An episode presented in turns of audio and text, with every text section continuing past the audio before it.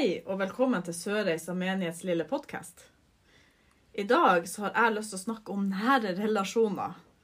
Og Det er jo et litt, litt merkelig ord med relasjoner, men det betyr venner og familie. Hva vi har i dag, hva vi ønsker oss i morgen eller i fremtida. Og for å hjelpe meg med dette, så har jeg igjen med meg Elea. Velkommen, Elea. Hei, hei. Veldig hyggelig å være her igjen. Ja. Nå så er jeg veldig glad for at du kunne komme og hjelpe meg med dette her. Um, det, det å snakke om nære relasjoner og, og det her med, med venner og familie. Og jeg og du, vi er jo venner. Ja. Ja. Det er jo kanskje et litt spesielt vennskap, i og med at jeg er dobbelt så gammel som deg. Faktisk mer dobbelt så gammel som deg. Ja. Du har født samme året som jeg gifta meg. Det sier litt hver det. Ja. Men jeg har jo sjøl venner som er gjerne Kanskje ikke Kanskje ikke akkurat dobbelt så gammel som meg, men jeg har jo venner som er mye, mye eldre enn meg. Både 20 og 30 år eldre enn meg. Og men, men det som kanskje er da i et sånt her forhold som vi har, sånn venneforhold som vi har, er jo det at jeg kanskje iblant kan oppføre meg litt som mora di. Ja. Ja. For nå, rett før vi starta denne podkasten her, så, så hadde jo jeg nettopp henta deg på jobb. Ja. Ja, Og oppdager jo da at, at det var noe med jobben din jeg ikke var helt enig i, og nå har jeg googla og jeg har funnet ut at det var noe der, og så liksom Ja. Og da kommenterte du med en gang at nå, nå er du gått inn i mammamodus. Og det er nok sant. ja. At eh, det ble litt mammamodus der med en gang. Jeg er liksom litt mammabjørn. Jeg bruker jo å si altså at eh, å si, de jeg har trosopplæring for, og de som har på 4H eller på turning og sånne ting, det er liksom ungene mine. Jeg, jeg, jeg adopterer alle til mine unger. Og mine døtre sier jo det at mamma hun har tusenvis av unger snart. Så det blir vel litt sånn. Det er jo noe med det. Ja. Det har kanskje noe med på å si eh, Ja, mitt liv. Hvordan jeg har hatt det i mitt liv. Og og vi, vi, jeg og du, vi har jo si, vi har vært venner i god stund, ganske lenge. Og vi er venner på Facebook. Mhm. Og jeg var inne på Facebooka mi, og der fant jeg ut at jeg har 504 venner. Har du sjekka hvor mange du hadde? Eh, 729. Ja. Du har litt flere enn meg. Men hvordan vil du beskrive de vennene som du har på Facebooka? Det er jo langt ifra alle kontaktene. Og det er, veldig mange er jo familievenner. Mm. De aller fleste er jo folk jeg har møtt på 4H, som man sier hei til en dag på leiren, og så Ja, kanskje man er på et kurs i lag Ja. med de og liksom henger i lag, og så blir man Facebook-venner mens man er på det kurset, og så ser man hverandre aldri igjen Ja. etterpå. Ja, jeg vet. det blir fort sånn. Og så Ja. er det jo familievenner og Ja. Mm. Så det blir jo jeg å si, Jeg har jo òg, med mine 500 og noen venner, så, så er jo mye av de der Det er jo oppå å si, Noe er jo de som jeg gikk på skolen med for en, 30 år siden, 20 år siden. Og, og noen er jo de som jeg ble kjent med når jeg bodde i USA. Jeg, for, jeg, for meg så har det vært en veldig grei måte å holde kontakten med venner i USA Mm. gjennom Facebooka. Fordi at det er jo tross alt ni timers uh, tidsforskjell. Så det er ikke, da er det lett å bare kunne poste litt på Facebook og, og sånne ting. Men um, Men um, hvis du tenkte, hvis du skulle lage ei oppskrift på vennskap altså Vennskap på Facebook, litt sånn periferert, altså det er u- litt ute der. Men et, et, ei oppskrift på det vennskapet med en, med en venn som er litt nærmere, jeg på å si, som du kanskje ser eh, litt oftere enn si, en gang i året. Men, eller sånn, jeg vet ikke hva jeg skal si. Ja. Altså en nær venn. Altså, hva er oppskrifta på et godt vennskap, rett og slett? Hva du Eh, en klype tillit. To spiseskjeer med respekt. To desiliter forståelse. En håndfull omtanke. To spiseskjeer delte hemmeligheter. Eh, to desiliter in eh, felles interesser. Og tre teskjeer lytteevne. Og en stor pose med glede. Nå skal vi vel kanskje innrømme det at vi, denne oppgaven har Elea fått på forhånd, og har faktisk fått forberedt seg. Så dermed så, så har vi altså både fått spiseskje, teskje og desiliter inn i oppskrifta. Jeg glemte milliliter, da. Beklager. ja, milliliter. Ja, ikke sant. Men det, det, jeg tror det kan være godt å ha litt store mål på det her. Ja. Ja. Og, og jeg syns det, det var gode ingredienser til et godt vennskap. For det å, å kunne dele hemmeligheter, det å ha forståelse for hverandre, å ha felles interesser Jeg og du vi har jo felles interesser i 4H. Ja. Det har det jo vært i mange år. og, liksom, og, og, og det her med å kunne bare ja, ha tillit til hverandre og, og hemmelighet og sånn. Og, og jeg tror nok at de som hører på oss også, uansett hvilken alder de er i, kanskje også vil gjenkjenne det at det, det er et godt, si, kan være et godt vennskap. Men Elia, har du noen ganger tenkt på hva det vil si å ha en venn som også er Gud? Har du Det tenkt har over det jeg faktisk aldri tenkt på før. Nei? Det, det har jeg ikke gjort. Jeg, jeg har lyst til å, å, å fortelle om en som hadde en sånn god venn. Jesus han hadde jo mange disipler, og tolv av disse var også hans beste venner. En av dem han het Peter. Og han Peter han mista motet og håpet, og han endte opp med å svikte Jesus. Og skal vi, jeg skal fortelle litt mer om, om Peter. For han Peter han er kanskje den som vi i dag kanskje kan tenke at vi har mye til felles med, på sett og vis. For han, han Peter han het egentlig Simon. Iblant kan det bli litt forvirrende med denne bibelen. Men han, han Peter het Simon, og han var en gift fisker da han møtte Jesus. Og han forlot alt for å følge Jesus som disippel. Og han var faktisk den første som tydelig bekjente at Jesus var Kristus, Guds sønn. Altså at han, han var den første som, rett, som sa rett ut at Jesus, du er Kristus. Du er Jesus, Guds sønn. Jesus han sa derfor at Simon han var klippen som han ville bygge eh, eh, sin eh, kirke på. Og på arameisk, som er språket Jesus snakka på den tida, så var klippet, ordet for klippet det var kefas. Og da, eh, da, da det her ble da, eh, si, oversatt til latin, så eh, er Kefas oversatt til Petrus. For Petrus betyr også da klippe. Og Petrus har da videre blitt oversatt til Peter. Eh, og, og derfor kjenner vi han altså i dag som Peter. Vi altså rett og slett Klippen. Og Jesus han lovte også at han Peter skulle få, komme, få himmelens nøkler. At han skulle få binde, at, at alt det han binder og løser på jorda, også skal være bundet og løst i himmelen. Altså, og det betyr rett at Peter skulle kunne tilgi synder på jorda. Peter han var ikke bare en som blindt fulgte Jesus. Han kunne nemlig ikke helt godta Guds plan om at Jesus skulle dø for oss. Og Peter forsto altså ikke hva det ville si at Jesus var Kristus, Guds sønn. For Han trodde at Jesus skulle være en jordisk konge, altså en sånn konge så, med pomp og prakt og krone og alt det. Og ikke en tjener som skal lide og dø for menneskene. Selv om Jesus prøvde å vise han det flere ganger med at på skjærtorsdag så vaska han føttene til alle disiplene sine før de spiste måltid i lag. Og Jesus han kaller faktisk Peter for Satan. Et ord som betyr motstander. Og brukes i Bibelen om Guds motstandere. Og selv om Peter er motstander av Guds plan, en Satan, altså, i Jesus sine øyne, så får han jo likevel være en av Jesus' nærmeste venner.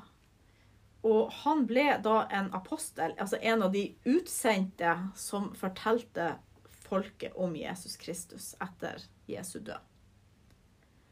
Og i påskefortellinga så hører vi jo om han Peter som blir fortalt ved nattverden at han blir å fornekte Jesus.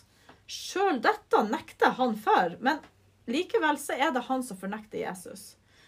Når, når eh, de kommer og spør han Hei, er det ikke du som, som eh, bruker å være sammen med Jesus, som følger Jesus? Så, nei, nei, det var ikke han. Han vil, men han vil så gjerne tro på Jesus, men han vil også at Jesus skal passe inn i hans verden. Og i dag så kan vi jo kanskje egentlig se på, på Peter som et forbilde for oss. Altså han, altså selv om vi gjør feil, så er vi ikke fortapt. Og selv om vi har problemer kanskje med å tro på Jesus, så er vi ikke fortapt for det. For selv Peter klarte ikke å tro alltids. Og han er klippen. Altså han er den som Jesus bygde kirka på. Og, og på sam, samme vis så kan man jo si at Peter var jo ikke alltid sin veldig god venn, da. Når han klarer å fornekte Jesus og liksom og, Ja. Og, og, og krangle, holdt på å si, med Jesus. Så var det likevel Jesus sin best, en av Jesus sin beste venner. For Jesus ga liksom aldri opp på han og tilga han. Jeg har lyst til å, å, å lese fra evangeliet etter Johannes, kapittel 15, vers 12-17. Dette er mitt bud. Dere skal elske hverandre som jeg har elsket dere. Ingen har større kjærlighet enn den som gir livet for vennene sine. Dere er mine venner, hvis dere gjør det jeg befaler dere. Jeg kaller dere ikke lenger tjenere, for tjeneren vet ikke hva Herren hans gjør. Jeg kaller dere venner, for jeg har gjort kjent for dere alt jeg har hørt av min far. Dere har ikke utvalgt meg, men jeg har utvalgt dere og satt dere til å gå og bære frukt, en frukt som varer. Da skal Far gi dere alt dere ber om i mitt navn. Dette er mitt bud til dere. Elsk hverandre. For meg så høres det litt ut som Jesus i oppskrift på et godt vennskap. Og en, en invitasjon fra Jesus til å være hans venn. Hva du tenker Elia? Jeg syns det hørtes litt komplisert ut og kanskje litt vanskelig å forstå hva han egentlig mente vi skulle gjøre for å være en god venn. Ja. Hvis vi begynner på å si han, han, Det han sier, jo at man skal elske hverandre. Altså man skal ta vare på hverandre. Og og sier jo her at ingen har større kjærlighet enn den som gir livet for vennene sine. Og jeg tror det betyr Altså, Jesus' i kjærlighet var jo så stor at han ga livet sitt for sine venner. Og jeg tror Da tenker da tror jeg, altså Den der setninga tror jeg regnes mer med på at Jesus vil at vi skal være hans venner, for han har gitt sitt liv for oss. Um, Kanskje? for han sier jo 'dere er mine venner'. Og jeg tror han snakker til oss da, at vi er hans venner. Så hvis vi gjør det han befaler oss, altså det som da står i Det nye testamentet, for så vidt eh, Det med å eh, ja, elske hverandre og liksom være for hverandre. Eh, og jeg kaller dere ikke lenger tjenere, for tjenere vet ikke hva Herren hans gjør. Altså, vi vet jo hva, hva Jesus gjorde. Vi er ikke hans tjenere. Altså, han, vi er hans venner, og han har gjort Vi vet hva han har gjort for oss. Og han har gjort kjent for oss det han fikk høre fra sin far. Og han har gitt oss et budskap som han vil at vi skal bære med oss. Og da Hvis vi da ber i Jesu navn det, Da holdt jeg å si Det er liksom da Gud vil lytte. Altså, vi, vi er Jesus, Jesu venner. Altså, vi, vi, har, vi er tilgitt all synd. Gud Vi har den direkte jeg på å si, eh, linja til Gud igjen. I stedet for før, etter ehm, Etter at Adam og Eva ble kasta ut av eden, så ble det liksom en, et skille der. Altså, vi, Gud kunne ikke være i nærheten av oss fordi det var ondskap imellom. Og Gud er allergisk mot ondskap. og Det blir så olje og vann, du kan ikke blande de. Men Jesus, han er broa. Han har tatt vekk den ondskapen. Og hans bud til oss er at vi skal elske hverandre. Fordi at han elsker oss, og da må vi elske hverandre. Og han kan hjelpe oss med si, det vi trenger da. Jeg tror, det, jeg, jeg tror rett og slett det er der det ligger. Kanskje? Ja. For meg kjennes jeg for riktig. Og for meg kjennes det ut som om på å si, Det er et løfte. Løfte fra Jesus til oss, på en måte. Men i begynnelsen så, så nevnte jeg jo at vi også skulle snakke om andre nære relasjoner, altså familie. Og med familie så kommer jo etter hvert blir eldre, også samliv. Um, jeg kan fortelle litt om meg sjøl. Jeg kjenner på den podkasten her, så det er jeg som prater mye, men Ja, Av og til så blir det sånn. ja. Men jeg kan fortelle litt om meg sjøl, da. Altså, jeg vokste opp som enebarn i en familie med mamma og pappa. Og nærmeste naboene det var farmor og farfar. Iallfall da jeg var lita. Og vi bodde faktisk i samme Altså, jeg vokste opp i samme hus. Jeg bodde der i 20 år. Og mine foreldre bodde der iallfall i en 18 år til etter der igjen. Um, før de da flytta hit til, til Senja. Men ehm, han pappa han var altså Han jobba på Hurtigruta i mange, mange år. Og mamma hun var hjemme, hjemme med meg, og så jobba hun litt i kommunen. Og da jeg var ung på begynnelsen av 1990-tallet Guri malla, føler jeg meg høres ut gammel ut nesten her. Men da, da var det ikke så veldig mange altså, min, altså, Når vi begynte på skolen på slutten av 80-tallet, så var det ikke så mange som, som var skilsmissebarn på skolen min. Men så når, når 1990 og liksom utover der kom, så ble det flere og flere som var skilsmissebarn. Og det, det som var litt morsomt altså, Eller skjønte jo fort, altså det, De fleste ungene ble jo boende hos mora, og så var de litt på besøk hos faren sin. Um, og etter hvert så var det veldig mange som trodde at jeg var skilsmissebarn. Spesielt da jeg eh, egentlig ble voksen og flytta hjemmefra for å studere. fordi jeg var stadig vekk på besøk hos pappa. Eller så var jeg på besøk hos mamma. Men jeg var jo ikke skilsmissebarn. Greia var det at jeg var på besøk hos pappa på Hurtigruta. Og gjerne hvis jeg var på besøk hos mamma, så var, det, var ikke han pappa hjemme, for han var på Hurtigruta. Og da ble det liksom sånn. Så, så jeg, veldig mange av de jeg studerte sammen med, trodde at jeg var enebarn. Hvilket var litt morsomt. Altså, mine foreldre har i dag snart vært gift i 46 år. Og De er ennå ikke lei hverandre. Nja Jeg vet nå ikke helt det, da. Det, det, det kommer litt an på. Når, liksom nå i de her tider, når de har sittet oppi en annen i en liten leilighet på Sissein, så, så har jeg hørt eh, sånn ymse uttrykk fra det, både den ene og den andre at eh, det, det har blitt lange dager. Men sånn er det. Så jeg, jeg kjenner på det sjøl òg iblant. så man kan bli litt lei av hverandre. Jeg har sittet hjemme og hatt hjemmeskole med to jenter i åtte uker nesten, så det, ja, det kan bli litt. Og på å si, i dag så er jeg gift. Jeg har vært gift med samme mann i 19 år. Ganske straks, i juli. Du er jo like gammel som meg. Ja, jeg har vært gift like lenge som du er gammel. Du er født i, i juni, og jeg er gift i, i juli, så um, Ja. Trenger ikke å si noe mer. Nei, jeg tror vi bare lar det være med det. Men kan du fortelle litt om din familie? Du, for du har, du har vokst opp si, helt annerledes enn meg, som har liksom bodd i samme hus i 20 år og liksom Ja.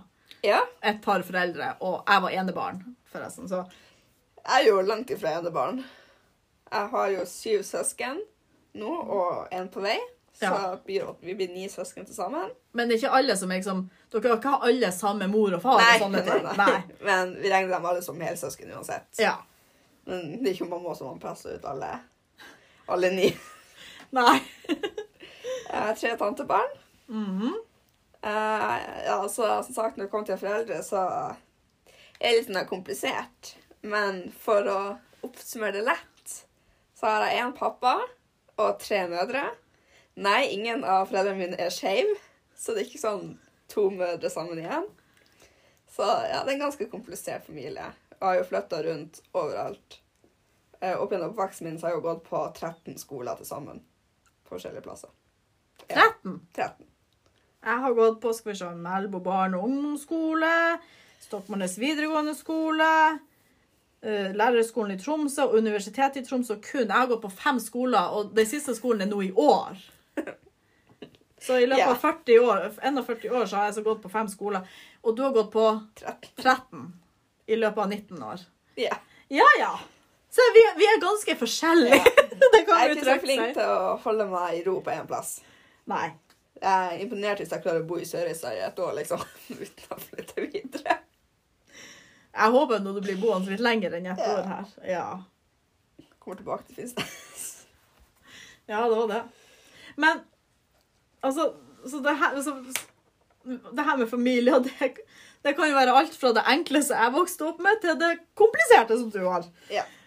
Og, og vi har jo veldig forskjellige bakgrunner Jep. også. Og, opple og forskjellige opplevelser kanskje også av hva en familie er for noe. Altså Min opplevelse er jo det at det er en kjernefamilie, mamma, pappa og barn. Mm. Også besteforeldre og barn. Og ikke fordi mannen min har skilte foreldre der faren er gift igjen. Men det er ikke liksom noe mer enn det, liksom, da. Så um, Men det Ja.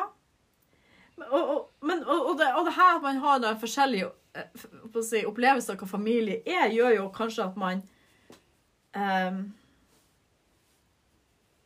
har forskjellig idé om hva et godt familieliv er, eller hva et godt Ja, hva som er uh, Hva som er Ikke den riktige familien, men, men, men det er så mange forskjellige familier. Ja. Man har jo familie med to mødre, to fedre, eh, eh, og så har du sånn som du, så har eh, tre mødre og en far, og, men det er delt opp i Forskjellige. forskjellige familier her og der. Og, og så har du um, Og så har du jo også noen som, som ehm, og, og- her, altså Familie kan være veldig vanskelig, fordi at noen kan jo oppleve at det er vanskelig for eksempel, å akseptere eller få aksept for at vi har forskjellige le seksuelle legninger. Og det kan være eksempel det her med med misbruk i en familie eller vold i familie. Det er, så familie kan være veldig vanskelig, og det kan være veldig lett. Um, og du er jo nettopp blitt samboer med kjæresten din her i Sørreisa. Uff. Sier du det? Ja. Ja, ja. Kanskje ikke best å gjøre det midt i koronatida når vi begge må være hjemme hele tida. Ja, det kan du si. Men hva slags drømmer har du for framtid og familie, da? Eh, vi drømmer jo om å kjøpe oss et hus sammen. Kanskje et lite småbruk.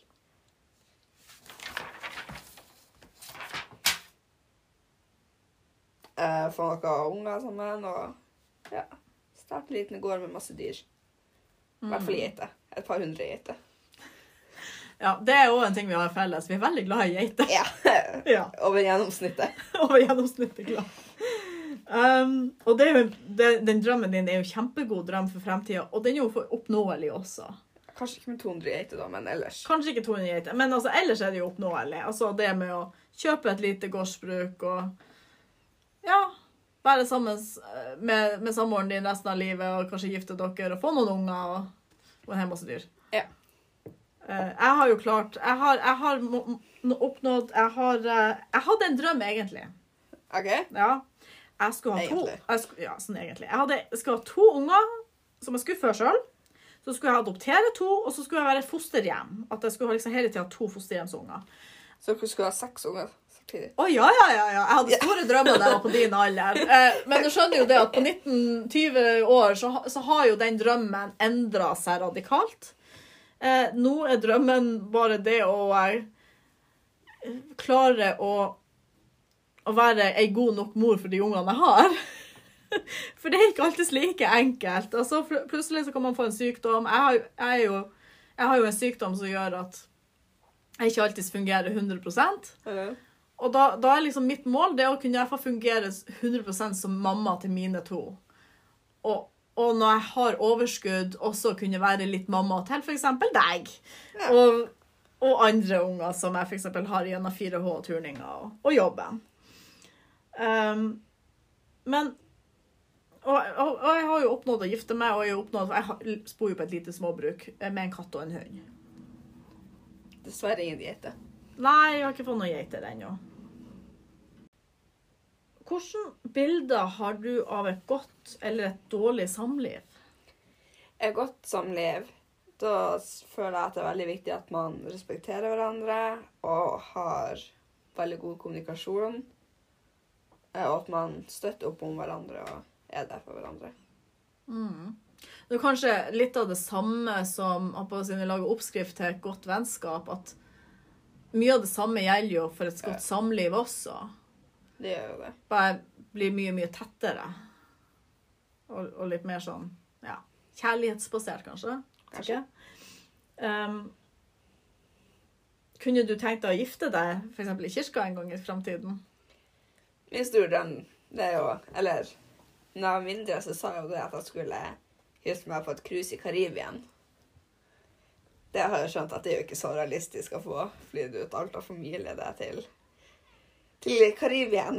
Nei, du har jo en stor familie, så det kan Ja. jo være litt uh... det blir noen millioner bare i flybillett. Men eh, så nå er det det jeg ønsker å gifte meg ute på ei strand. Har valgt meg ut ei strand på Senja, faktisk. Æsjfjordstranda? Eller, Eh, Det er sånn eller det Kråkeslottet. Nei, det er sånn helt fin sandstrand. Og så havet der det er varmt. Det er sånn sydenvarmt. Oh, Og så, finnes det ei sånn strand på Senja? ja, og Jeg har bodd der lenge, jeg har ikke funnet henne ennå, så ser du liksom Det er fjell på begge sider, og så stor åpning i midten. Der du bare, Ah. bare ser havet utover. Jeg har vært der flere ganger. og er kjempefint. Ja. Kanskje utover mot Torsken der. Der er du ei sånn strand, tror jeg. Det kan være. Jeg skal Ja. finne ut senere hva det er. Ja, det var jo spennende. Men, eh, Men det ble jo en digresjon, da. Ja. Men hvis jeg skulle velge til kirke, så har jeg jo veldig lyst til å gifte meg i Tømmervikkirka her i Sørreisa. Jeg syns den ser så fin Jeg har aldri vært inni den, men jeg syns den ser så fin ut utvendig. Mm. Den er jo veldig fin. Jeg er så glad i det alterbildet, som jo er regnbuefarger. Åh. Jeg må bare nevne det nå. Eh, hvis det er mange rare lyder i bakgrunnen, så er det fordi at vi sitter på kontoret mitt i Sørreisa, og naboungene er ute og leker rett fremfor kontoret mitt. De driver og eh, kjører traktor, blant annet. Så da blir det litt bråk. Men jeg har ikke lyst til å gå ut og, og jage dem unna. For jeg syns det er litt artig at de er her ute og leker. Men det blir litt bråk iblant. Men da jeg gifta meg i 2001, så var vielsene, som det jo heter da, i kirka, den var bare for mann og kvinne. Så hvis jeg hadde for funnet meg ei dame og ville gifte meg med dama, så hadde jeg ikke kunnet gjort det i kirka. Og på den tida så var det da en kamp som foregikk, og den, den endte i, i eh, 2016, etter 40 år. Eller mer. Og på, fordi da i 2016 så vedtok kirkemøtet og, og også la likekjønna få gifte seg i kirka. Og i 2017 så kom det en ny vielsesliturgi i Den norske kirka. Og liturgi det er liksom det det kalles det når man eh, har gudstjeneste. Liturgien er det man fremfører, holdt på å si, i en gudstjeneste. Og, og, og oppsettet av en gudstjeneste. Og den eh, denne liturgien som kom i 2017, den passer uansett om du er mann og kvinne eller likekjønna. Og den gamle teksten, liturgien, og den nye liturgien de er ganske like i oppbygninga. Men der den gamle fokuserte på mann og kvinne, altså mann og kvinne er skapt og til å leve i ekteskap og her, så fokuserer den, gamle, den, eh, den nye mer på at vi er på, på, fokuserer på at vi er, vi er skapt i Guds bilde. Um, og, og det viktigste i det nye er liksom det at ekteskapet er et livslangt samliv som er bunn i kjærlighet. Um, og det står det i, i den nye vielsesliturgien så står det en tekst fra Paulus sitt brev til kolosserne, i kapittel 3, vers 12-14. La oss høre hva Guds ord sier om kjærlighet og troskap. Kle dere derfor i inderlig medfølelse og vær gode, milde, ydmyke, tålmodige. Så dere bærer over med hverandre og tilgir hverandre hvis den ene har noe å bebreide den andre. Som Herren har tilgitt dere, skal dere tilgi hverandre. Og over alt dette, kle dere i kjærlighet, som er båndet som binder dere sammen og gjør fullkommen. Hva du syns du om de ordene? Jeg syns det er et veldig fint vers. Mm. Uh, og syns det, det sier veldig mye om at man kan være hvem man er, og elske hvem man vil. Mm. Ja, jeg syns det er så godt å vite at Gud ønsker at vi skal ha det godt sammen. At det er det som er fokus. At, at vi som mennesker skal ha det godt sammen. Spesielt i et samliv. Men dessverre så er det jo ikke så veldig mange, så veldig mange Dessverre så er det jo noen som, som opplever at, at uh, å være sammen ikke er så godt. Altså at tilliten som finnes i nære forhold, kan bli misbrukt. Og og med tillitsbrudd i nære forhold så kan vi også snakke både om misbruk av barn og også vold i samliv. Um, jeg har sjøl opplevd uh, vold i samliv. Um, jeg ble aldri slått, men jeg ble trua og utspurt av kjæresten min, samboeren min, da, når jeg kom hjem etter å ha vært ute på skolen eller noe sånt. Og, og i, i begynnelsen så tolka liksom jeg det her utspørringa, og liksom at det var liksom den sjalusien der. som at 'Å, han er så glad i meg', og liksom Ja, at Det var liksom Det var noe normalt. Altså, jeg følte meg elska da. Men etter hvert så ble det mer og mer sånn at jeg fikk jo nesten ikke engang gå på skolen. Altså, det var liksom, jeg kunne, jeg kunne forsøke å gå på skolen, men jeg fikk ikke ha gruppearbeid hvis det var gutter i gruppa mi, nesten. Jeg kunne ikke jeg måtte komme rett hjem etter skoletid. Jeg kunne ikke gå ut uten, uten kjæresten min i lag med meg. Og det var Det ble veldig Det ble liksom veldig strengt på en måte. Og hvis jeg gjorde noe som han ikke likte, så så, så, ble, så ble han så sint at han trua jo med, med vold, nær sagt. Det ble, ble sånn at jeg gikk rundt med frykt i meg hele tida. Og mange som opplever sånt, tar skylda på seg sjøl. Altså at det er ens egen skyld at kjæresten tror at man har vært utro. Eller hvis man bare var snill nok eller flink nok, så vil, kjæresten være, være, snill og glad i oss òg. Eller å, han er så glad i oss, men, men han bare vil han, er, han gjør det jo for han er så glad i oss, liksom.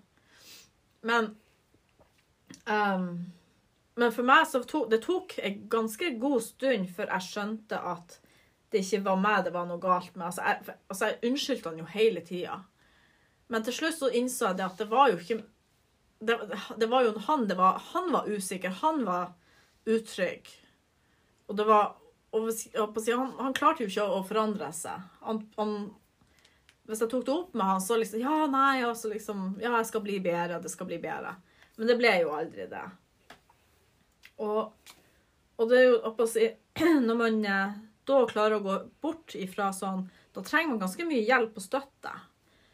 Man trenger, man trenger ganske mye hjelp og støtte da etter et sånt forhold for å bygge seg sjøl opp igjen. Få selvtillit igjen, kan du si.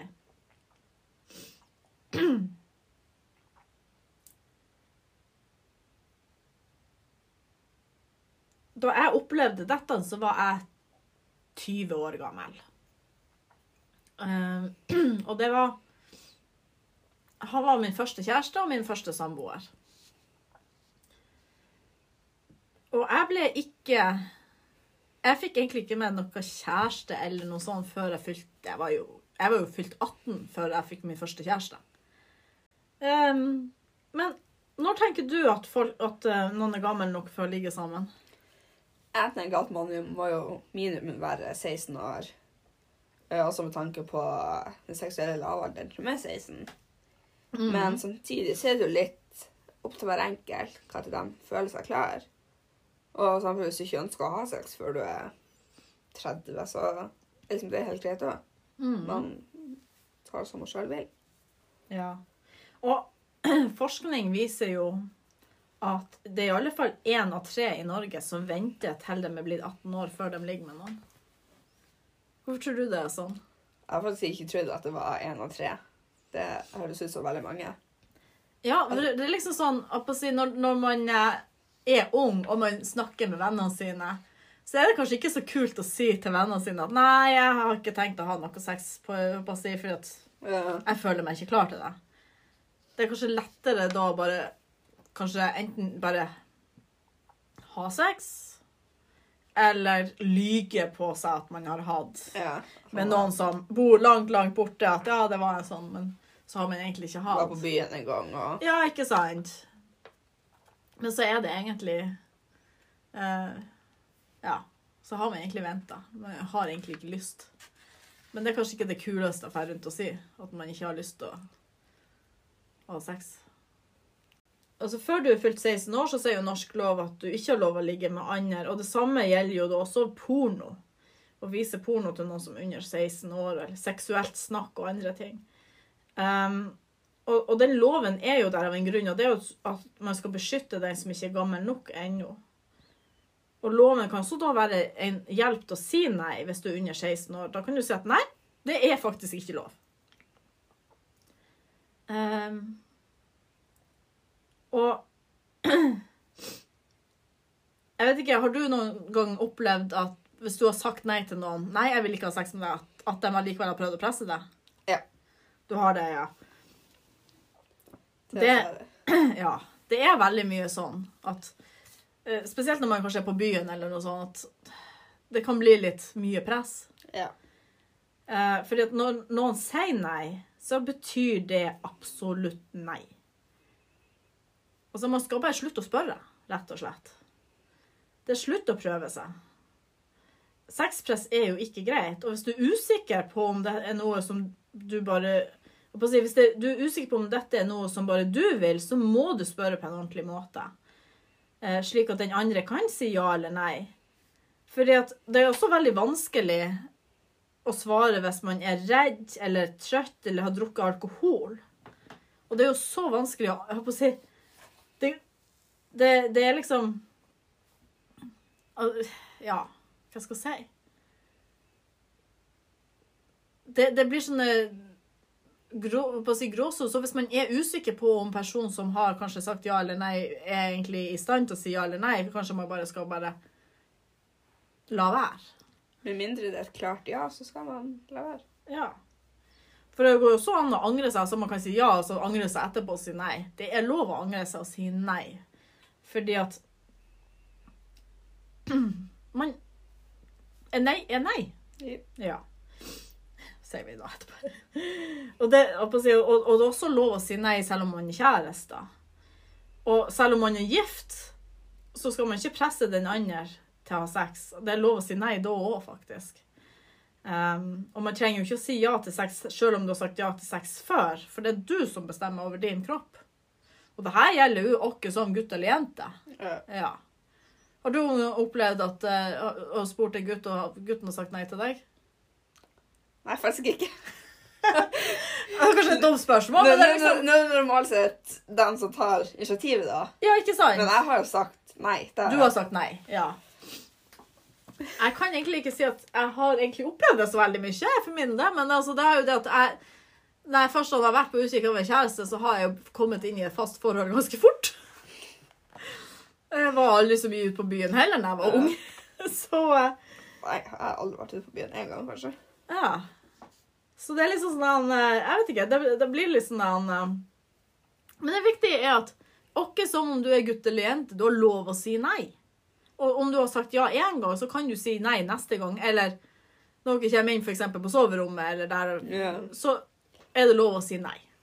Og trekke seg. Og den som har på si fremdeles har lyst, må bare respektere det. Sånn er det bare.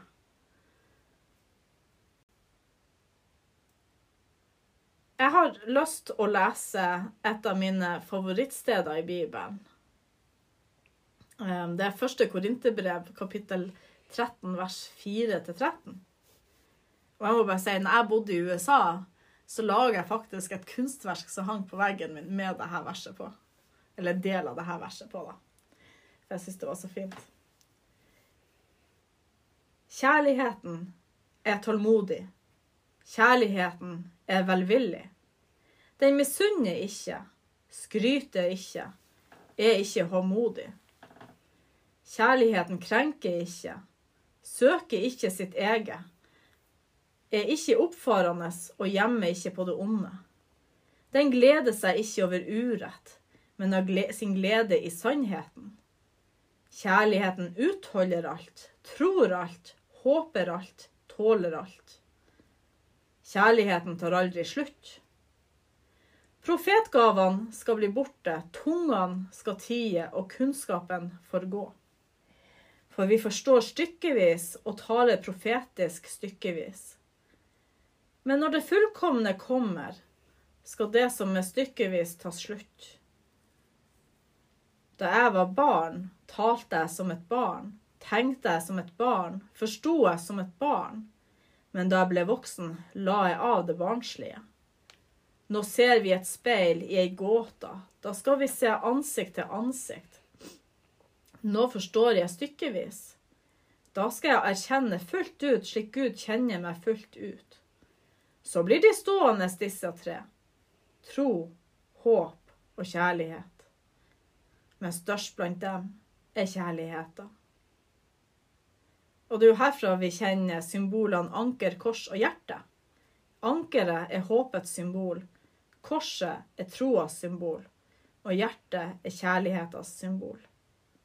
Og slik som vi tidligere leste et bibelsted som Jesu oppskrift på et vennskap, så vil jeg si at dette må være oppskrifta på det gode samliv. Men det er også Guds eh, lovnad til oss om at kjærligheta fra Han til oss vil alltid være der, uansett. Da skal vi avslutte denne podkasten på samme måte som i siste podkast, hvis ikke du hadde noen mer kommentarer, Elia? Ikke som jeg kom på. Nei. La oss eh, sette oss tilbake og lukke øynene. Se for deg at du er i kapellet nå og står ved lysgloben. Så tar du et lys og tenner det for noen du kjenner, noen du er glad i, kanskje. Og så ber du ei lita bønn for denne eller disse personene.